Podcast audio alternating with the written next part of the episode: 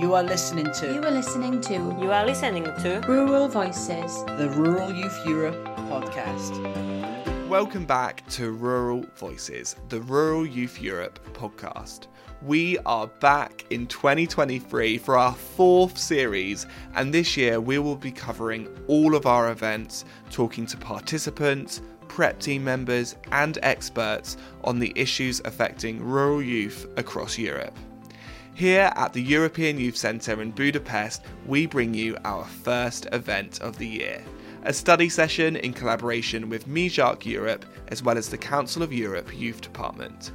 We have 36 participants from 17 different organisations coming together to investigate the resilience and sustainability of rural youth organisations with a focus on mental health. Again, this year, we are really proud to be partners in the Co Criado project, which is all about collectively coming up with solutions, and this is what we also plan to do with this study session.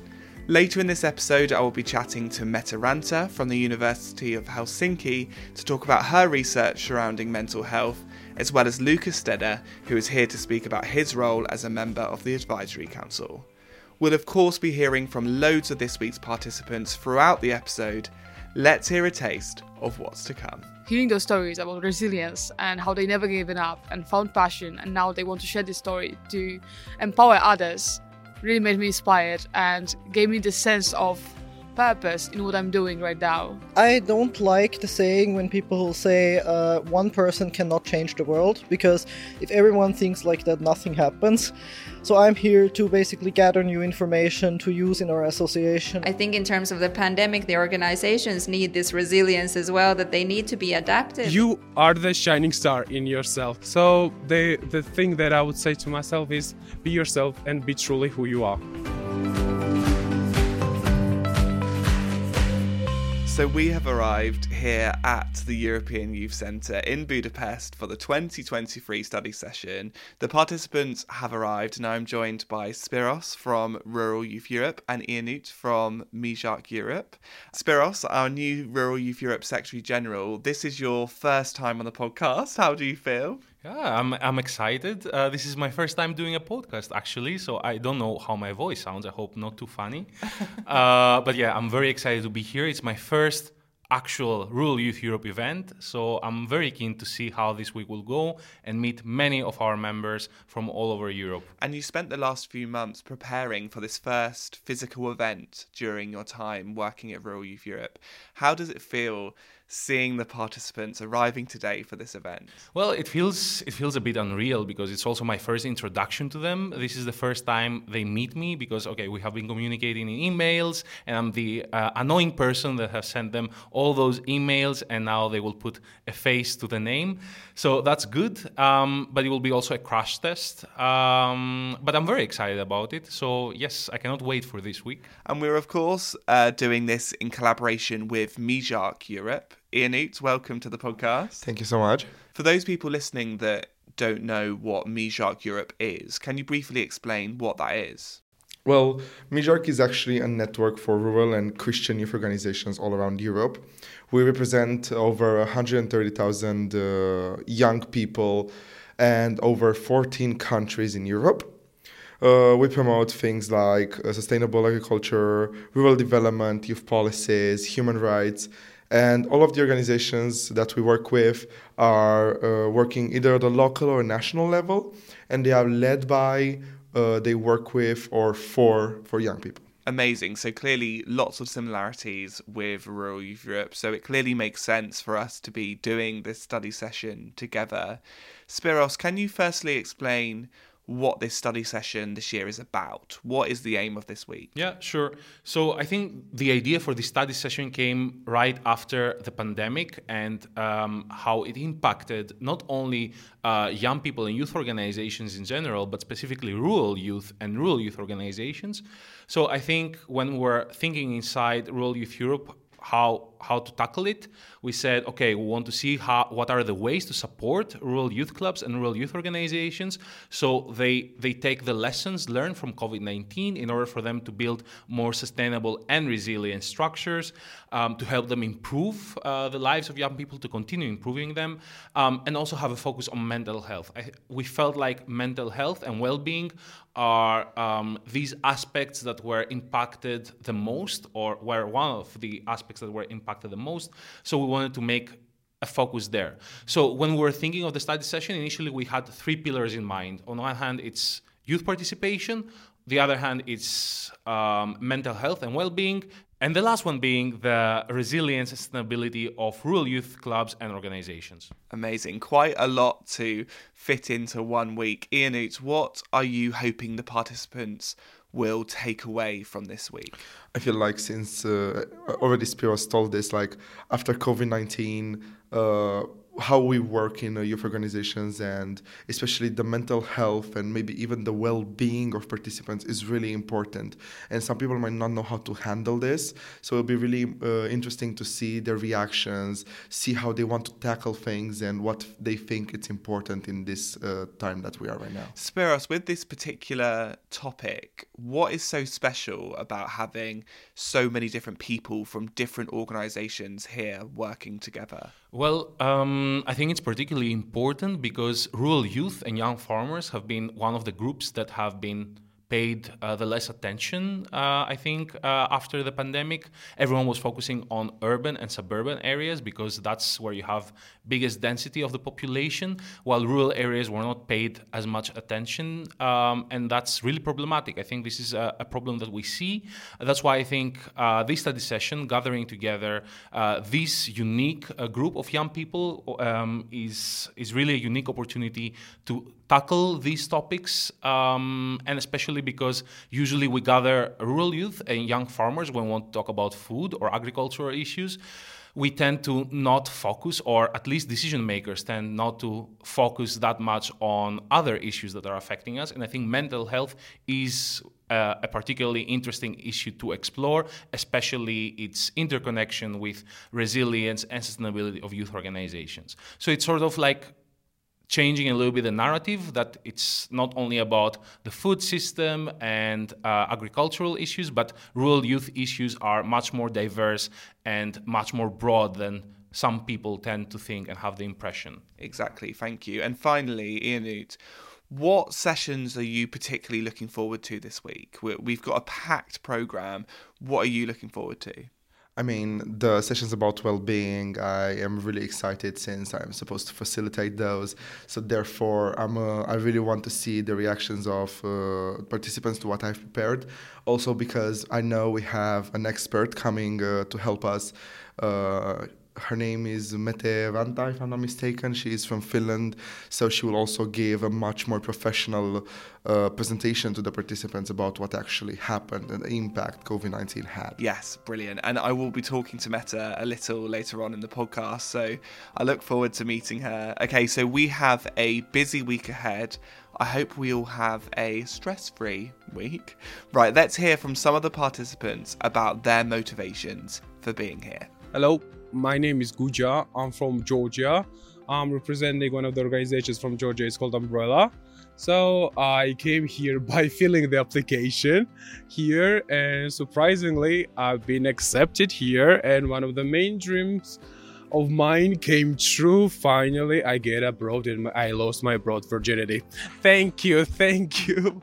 My name is Victoria Wilk. I'm from Poland and I'm a part of MIJARC Europe. My main motivation to come here this week was actually the topic. Um, I'm a very huge advocate for mental health as a person who has personally struggled with mental health, but also the fact that I knew that those projects really gave me a chance to meet different people from different countries and give me the opportunity to develop my skills as a future facilitator and activist. I'm Aisha Hurley. I'm from Macra na Feirme in Ireland, which is actually being rebranded to Macra.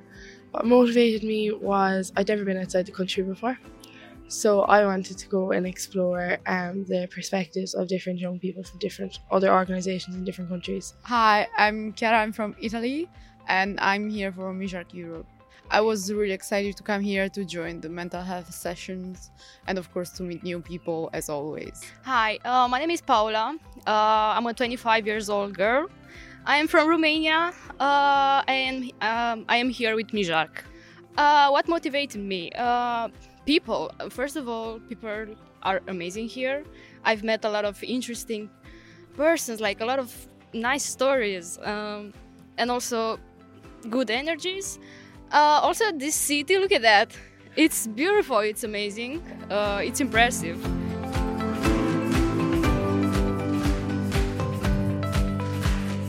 So we are now joined by Mette Ranta from the University of Helsinki. Thank you so much for joining us here at the European Youth Centre for our study session. Thank you so much for having me for the invitation to come and, and speak about my research. It was a pleasure to come come and join you for the session. So you have just finished your session all about mental health and well-being. How did you find it? How how did you find the group? Oh, the group was wonderful. I, I think they were really um, eager to talk and share their views and share their um, thoughts and experiences from their everyday work in the youth organizations. And I think um, I would have loved to hear even more about their experiences. But yeah, I think it went really well. So we had um, a very traditional lecture type of um, talk, and then we had some uh, individual assignments and then a group assignment in the end as well. Yeah, so I just mentioned that you are from the University of Helsinki, but what is your background? What what is your job? So I'm um, I'm from the field of educational psychology from the University of Helsinki. I did my PhD years ago in developmental psychology, where I looked at um, adolescent development, particularly in terms of their financial independence, but more broadly also in terms of their well-being and personal goals. Um, currently, I also work in policy work at the Ministry of Justice for the financial literacy strategy for Finland in implementing that. But basically, adolescent development and adolescent well being. Um, young people's development in general has been the focus of my work for, for many years. So, what motivated you to be studying this particular topic? Well, it's an age span where so many things happen concurrently, so it's it's demographically dense in a way. Um, there's a lot of uh, factors that that have a role in, in terms of young people's development. And also the fact that we're living in a world where there's so many things happening around us that have an influence on young people's development.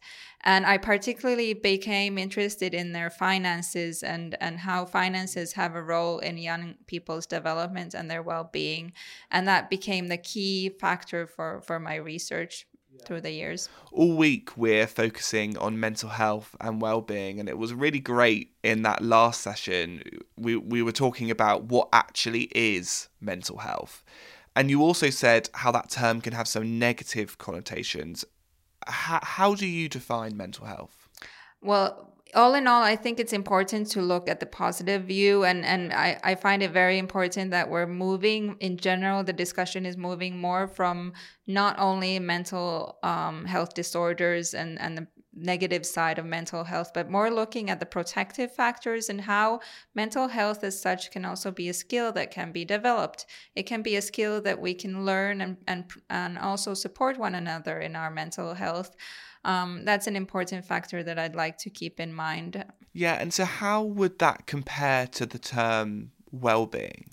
Well, well-being and such they they're used very um, interchangeably, so they are synonyms. So we talk about subjective well-being, we talk about life satisfaction. Um, so basically we're all talking about the same thing. Um, and and I think whether you ask a psychiatrist or a psychologist or, or a social worker people would define it in very different ways.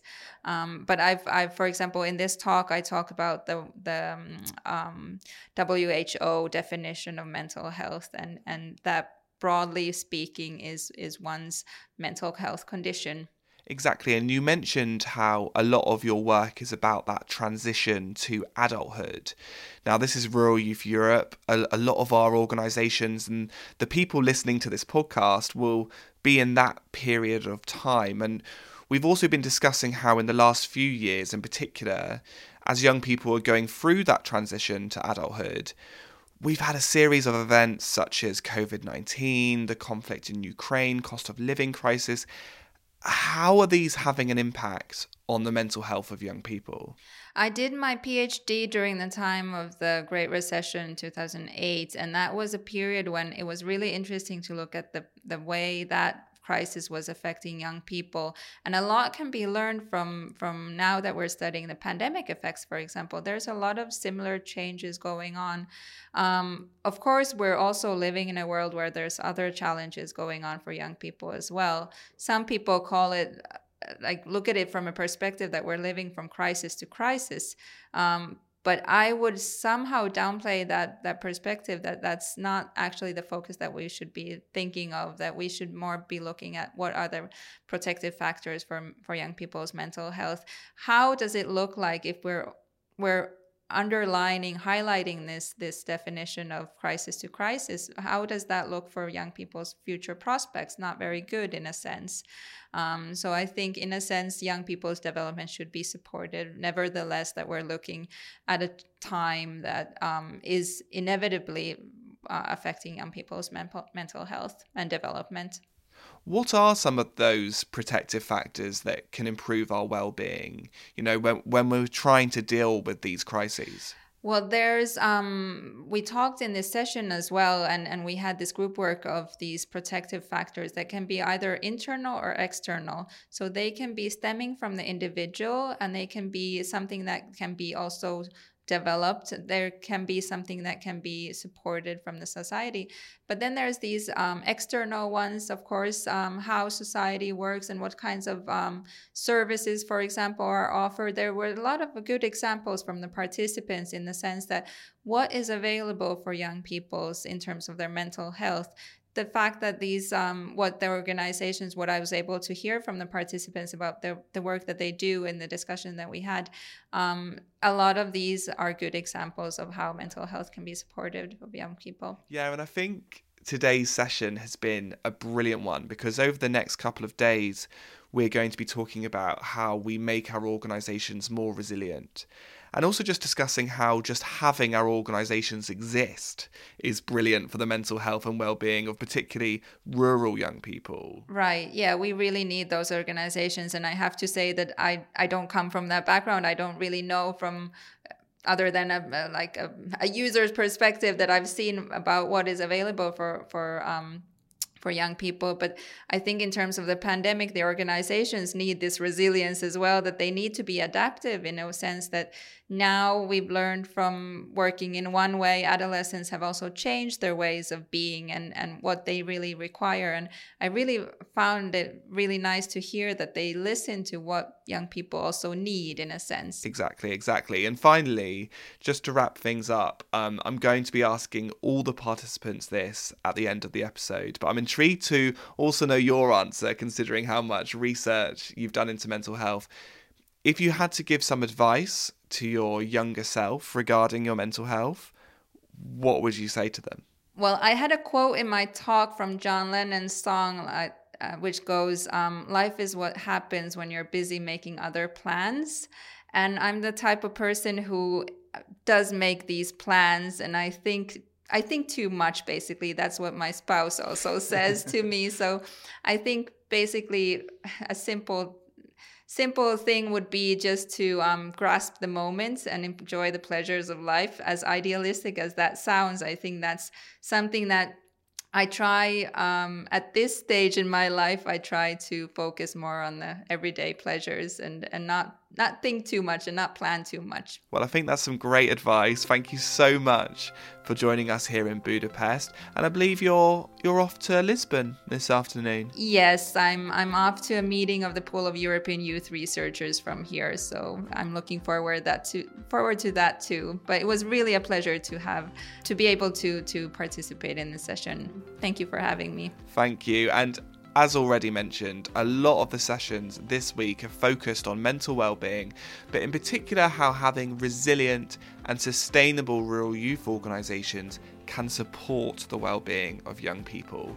Let's hear from some of the participants about their thoughts on what they've learnt this week about mental health, how they've been inspired by others, and what their own organisations do on this topic. I'm Mika, I am 23 years old. I'm uh, from Finland and I am a member of the 4 H Association of Muhos and, of course, with that, of the 4 H uh, Federation of Finland. Well, we have this kind of principle that we don't directly go like to the young people and say, hey, you can talk to us about everything and anything, or if you have problems, then come to us. We more do it through the, uh, through the activities in the sense of that we strengthen the group spirit so that the youth uh, feels comfortable coming like like directly to us by themselves and tell us if there is something basically to make um, a safe space and make them comfortable enough yeah, to come by themselves and tell us. I found it particularly inspiring also important how much work we still have to do how so many people in so many areas are still left out without support and they need us to be there for them, but also the resilience of those people who have shared the stories and experiences in their lives hearing those stories about resilience and how they never given up and found passion and now they want to share this story to empower others really made me inspired and gave me the sense of purpose in what I'm doing right now. So I'm Camila, I'm from Poland and I'm from Mijarc Europe. Uh, I think the um, exercise that we did with observer, observer uh, speaker and supporter was really important for me uh, because I realized that that's uh, for the questions that uh, taking care of my basic needs it's something that I really need to do, and it's like very basic and obvious, but it's very important for our everyday work and volunteer routine. So my name's Katie. I'm from the National Federation of Young Farmers Club. Um, I'm from the East Riding of Yorkshire. I've been a member for 15 years. Yeah, no, so, so being a young farmer is it's just incredible. It's got a lot of organisations that help you. There's a lot of members that help you. They give you so much incredible support, either in your club or outside of your club. Um, they understand sometimes where you're coming from with the rural youth. Well, my organisation is mainly for young farmers, but it's open to everyone. And there is an organisation called Make the Move in Ireland, which Walker would rec- refer their members that are struggling to them because they cater specifically for uh, challenges that young farmers face, be it isolation or fears about succession of the farm and different things like that. Like, actually, the open space was really great. We had the opportunity to talk to each other, and it was a really safe place to tell our stories and our backgrounds. And I felt really comfortable with that I'm, I'm usually not. So it was great for me. Hello, my name is Tamar. I'm from Georgia and I'm a part of Umbrella in Georgia. Just make more campaigns and try to be active and decision making process uh, to be more open to each other. In my country, yeah, it's very kind of very popular to talk about the mental health, but honestly not most of the activities are connected with the mental health. So the main reason why I, why am i here is because of i want to spread out this information like I share this information and also like a, giving the facts why mental health needs to be like again more popular and also how it needs to be uh, constructed into the organizations and how and help the volunteers about um, like sharing this information to them.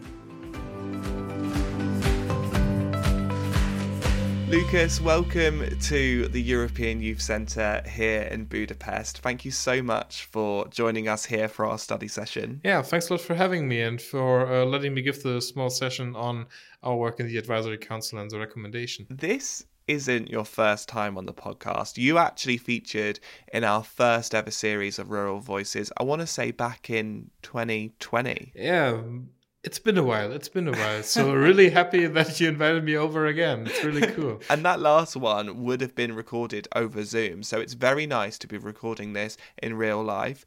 And this also isn't your first study session, is it? You're invited here as a speaker today but you've attended Rural Youth Europe study sessions as a participant before, right? Yeah, twice.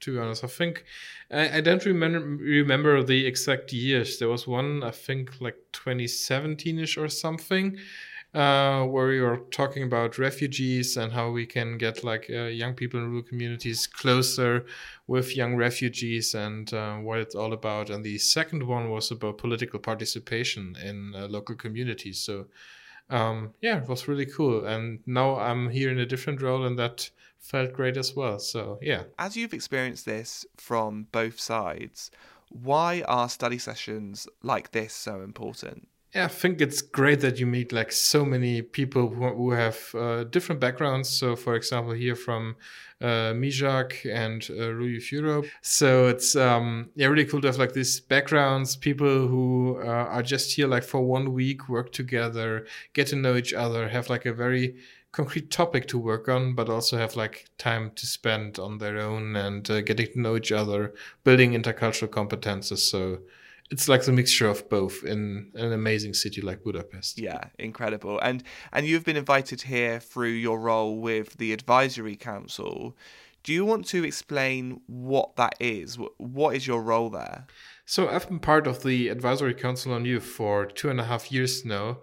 Um, the advisory council on youth is one part of the co-management system in the youth department of the Council of Europe. So uh, co-management means that we, as young people, are taking decisions together with uh, governmental representatives, um, like on an equal footing, and that we are able to um, discuss and find solutions and find agreements. And nothing is decided without us, and that's like a really cool and unique uh, system and uh, mechanic that we try to introduce even beyond that.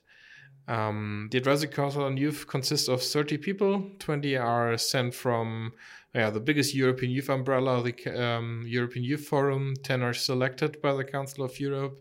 And we have like a very diverse field. So people from rural backgrounds, people from big cities, queer people, um, persons like from Euro mental health and all over Europe, from from uh, Georgia to uh, to the British Islands. It's really really cool and um, a great opportunity to learn, but also to uh, influence the policies we are doing in the Council of Europe and the programs we are doing. So, yeah. What motivated you to stand and go for that position? As I've been like a frequent member of, uh, or yeah, participant of study sessions, and uh, one who has been like involved on this European level of uh, youth politics for quite a while.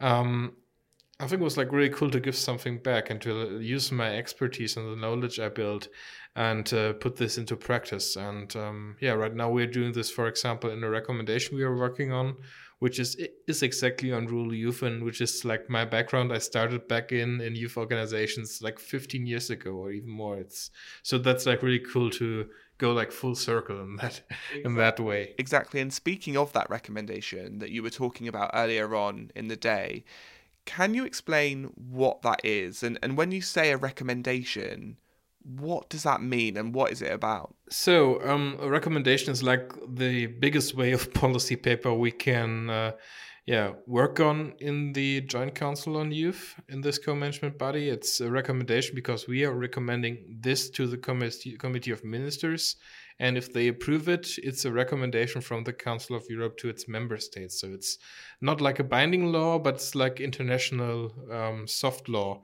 to some extent, where um, and youth organizations and young people can use this and uh, make use of it uh, because they can refer to it and can say like yeah but your minister dis- uh, agreed to this. The government agreed to this and why are you are you not implementing this? And this is like a really cool advocacy tool on that hand. And on the other hand we can set like standards. We can set like the guardrail left and right how um, things are supposed to work. We can share best practices or give advice there. We can uh, refer to certain standards that were established quite some time ago and uh, get this into the minds of politicians again so it's like a very cool tool lots of text bit complicated, mm-hmm. but if put into practice, it can be like very, very useful for young people. And I think that's what we are really keen to work on. So, what is the recommendation specifically about then? So, it's focusing mainly on um, yeah young people in rural communities and um, the challenges they are facing. So, uh, we know that compared to young people from urban areas. Um, young people in rural areas are like as diverse as they are, but there are like very different opportunities and possibilities to achieve edu- uh, to yeah get into education, um, finding opportunities for to work, if it's uh, healthcare, if it's infrastructure, if it's like political participation, taking part in uh, civil society, there are like very very different um, to metropolitan areas, and we really try to focus on what is especially affecting young people in rural communities and where are best practices and where are ideas how uh, member states and how politicians can change that. And it's very difficult because, on the one hand, like every rural area is unique to some extent. They are like very facing very different challenges, and sometimes even hard to define what really a rural area is. And on the other hand, um, there are still lots of simil- uh, similarities, and we try to find solutions to those and give like advice and recommend certain political measures. And how did you gather that information? How did you find out what issues here are, are what issues are we putting into this recommendation? So as, as we started with it, um, we on the one hand did like a desk research. We had researchers working on that and gathering like policy input from different organizations who've been already active in the field. And um, on the other hand, we've done a survey. And for example, uh, lots of organizations, whether it's on a local level, on a national level, or even international ones, participated in that. So it's might be relief organizations like MIJARC or Relief Europe. Um, might have been uh, some local youth clubs or federations of youth clubs, and might have been organizations that are not particularly focusing on young people uh, in rural areas, but who are also working with uh, with them, so that we can get like a very diverse field. And we checked um, areas where uh, the big, biggest needs of them are, and uh, what kind of political things they would have loved to have solved in the end. And uh, that was like the scope and now we're working on finding solutions and going beyond that. Amazing. Is is there ways people can get involved in that at all? So there is going to be a consultation phase um, which is starting in june and will mainly take place in september. Um, i'm not yet sure if it's an open consultation or if we will mostly work with organizations in that way but we will definitely work with uh, Rural Youth Europe and with MIJARC on that, and uh, also take like other organizations in account. And um, yeah i think we can just like keep our eyes and ears open and see uh, when there is going to be like a bit more information to share. And uh, we'll get definitely get Rural Europe involved and she will stay updated. Amazing, thank you. It, it it's so so cool hearing about this, and I think it's really inspiring hearing your story because you were someone who attended these study sessions as a participant and you would always talk so passionately about youth participation and making sure you get your voice heard and and now that is exactly what you're doing. So hopefully people listening to this and the participants this week will find loads of inspiration in that. And you know there's a whole new generation of rural young people coming through wanting to do the same. Yeah it's already the case. So we're going to have like a new representative of Rural Youth Europe in the next advisory council on youth. So uh, youth. So Ifa, best of luck for your work there, and um, yeah, it's it will go on, and that's about the thing we're doing in the youth department, the Council of Europe, making young Europeans, making young people's getting involved with politics, uh, but also getting to know each other and uh, spreading the word. Amazing. Thank you very much. Just quickly before we finish, because our participants are going to be answering this at the end of the episode, in regards to your mental health, what advice would you give to your younger self?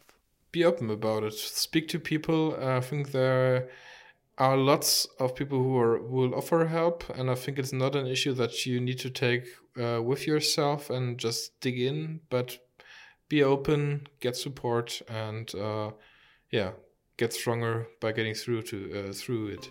Thank you, Lukas. Great advice. And talking of getting through it and resilience, sustainability and resilience have been key words throughout this study session. And we've really been picking apart our rural youth organisations, identifying all the different components that make up a youth organisation, and discussing how we can make them more resilient and more sustainable. What makes a rural youth organisation resilient and sustainable?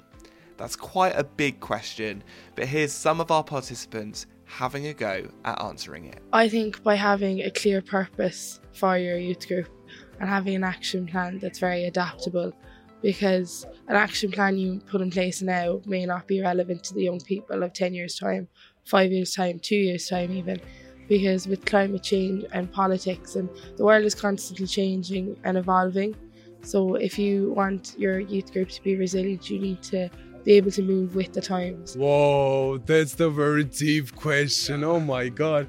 Like like uh, in Georgia, we had the phrase that how many people uh, exist there. There are there are many opinions and there are there are many thoughts. So I would like to say that to get more sustainable organizations means that you need to have uh, included there more people from the different areas. Like uh, get the um, talks, like uh, meetings, and describe the problems together to get the one big solution. I think definitely create more resources for support of those young people because especially in rural youth, I think there's this kind of fear that if they speak out about their mental health or the issues, everyone will find out and they'll be judged. So we need to create more um, supportive spaces that are safe for them and make them feel like they're welcomed. I think structure, getting a lot more structure into the organisation, not on a national level or like a county level, but more in a club level, because it's the clubs that are suffering at the bottom with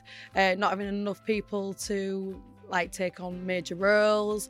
Um, so I think getting more people into it, maybe not just as young farmers in general that like we are, but as in uh, getting people from the rural area, from the villages that don't have the amenities of what cities do, getting them involved into the clubs, getting the, away with the taboo of you've got to be a farmer, you do farmery things all the time. Hi, my name is Joanne Kiley and I'm from Ireland. Um, in Ireland, I'm from Cork and I'm part of Macra na Feirme. So I'm here representing this this weekend with two other members. Um, I suppose to have an active group, um, do stuff people enjoy to keep them coming because when you meet people and interact with people, it gives you a boost. So just keep members active. My name is Sophie. I'm from Austria and I joined the organization Landjugend. I think every group needs a space where they can meet, that they can work together and be resilient. I think regularly meetings are a, good basis to make a group resilient. I think um, for the part of resilience, uh, we need to strengthen the group spirit. Of course, we need to make the youth so far comfortable, basically, that they feel free to share their own political views, maybe, or also their their ideas, like how to make things better, what to do, and what what kind of their goal is. Uh, also, like what if you ask them the question, what would you want to be better here in our association, or what could we do to help the youth here, that they come to us with their ideas and that they tell us what it is, because if we don't stick together, then we get nowhere, basically.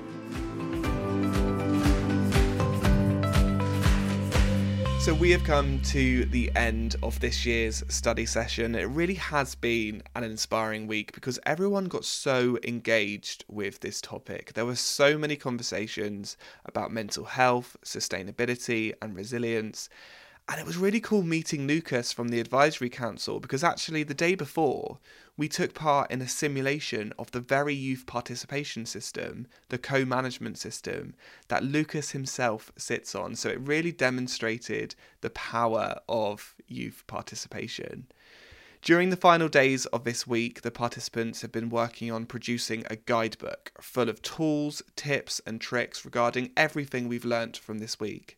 It's full of activities and energizers that you can use within your own organisation, as well as best practices and personal stories from our participants. The guidebook will be out soon, so keep your eyes peeled on our social media. But if you still need any persuading, here's Kiara, one of our participants, explaining why you should read the guidebook. You should read our guidebook because A, it's amazing. B, it's amazing. And see it's our story, what we did here, and maybe you should be the next one coming here. That's amazing. It is amazing, and she is right. It could be you at our next study session, so definitely take a look. Next week, we're going to be in Latvia for the third Co Creado Ambassador training, so make sure you hit follow or subscribe on whatever podcast platform you're listening on to hear all about that. In the meantime, also make sure you're following the Rural Youth Europe Facebook and Instagram for all of our updates. Thank you to everyone that made this study session such a special week. Thank you to MIJARC Europe, as well as EDA and the Council of Europe Youth Department. We can't wait to be back in the future. As promised, we are closing the episode with our participants. I asked them if they were to give any advice to their younger self, what would it be? I would tell her that the better days will come and it is okay to feel bad. And just because you feel hopeless right now, it doesn't mean there's no future for yourself. There is no timeline to achieve things, and you can do it, even if the world is telling you no. There are so many beautiful days waiting ahead of you, and you still haven't met other people that are going to love you and cherish your presence. Um, so to my younger self, I would uh, I would basically say, uh, even if everything looks like everything is going downhill, everything is just going wrong, there is always a way out. There is, even though it's sometimes really hard to find, but some but there's always a way out. Just because you feel like you're at your lowest, that does not mean it's game over. I think to take care of myself more and to remember that if I want to help other people and to be activist and stay active, etc., I just also need to take care of myself properly. Um, to my younger self, I'd say everything gets easier. Like you learn how to deal with things. There's days when, say, my younger self would be very anxious, but looking back at what you were worried about when you were younger doesn't affect you now. Always remember that in five, like five years' time, you're going to be worried about something else. Even next week, like today, you're worried, what will I do for the evening? Next week, you could be worried about, will I be up in time for work? So just always focus on the here and now. Don't worry as much. More positive. Don't uh, put yourself down. Um, I constantly did that as a young person. I, I always said, "You, you're wrong doing this. You should do this." do what you feel is best for you in that moment. If you feel like you want to go and have a nap, go and have a nap. It really, it's not going to make much difference. You don't think about it in so many years' time. Uh, give yourself time and space to find yourself. Um, it really is worth it. I'd tell myself, my younger self, not to be so afraid of being your true self. Don't just change yourself because someone tells you that they don't like how they don't like how you speak, or they don't like how you look, or they don't like how confident you are, they don't like how much you work, different things like that. It's a reflection on them when they say it to you. So you shouldn't have to change yourself just because someone doesn't approve. You should not put yourself forward for an opportunity just because someone tells you you can't. I actually would say, girl, you can do everything you want.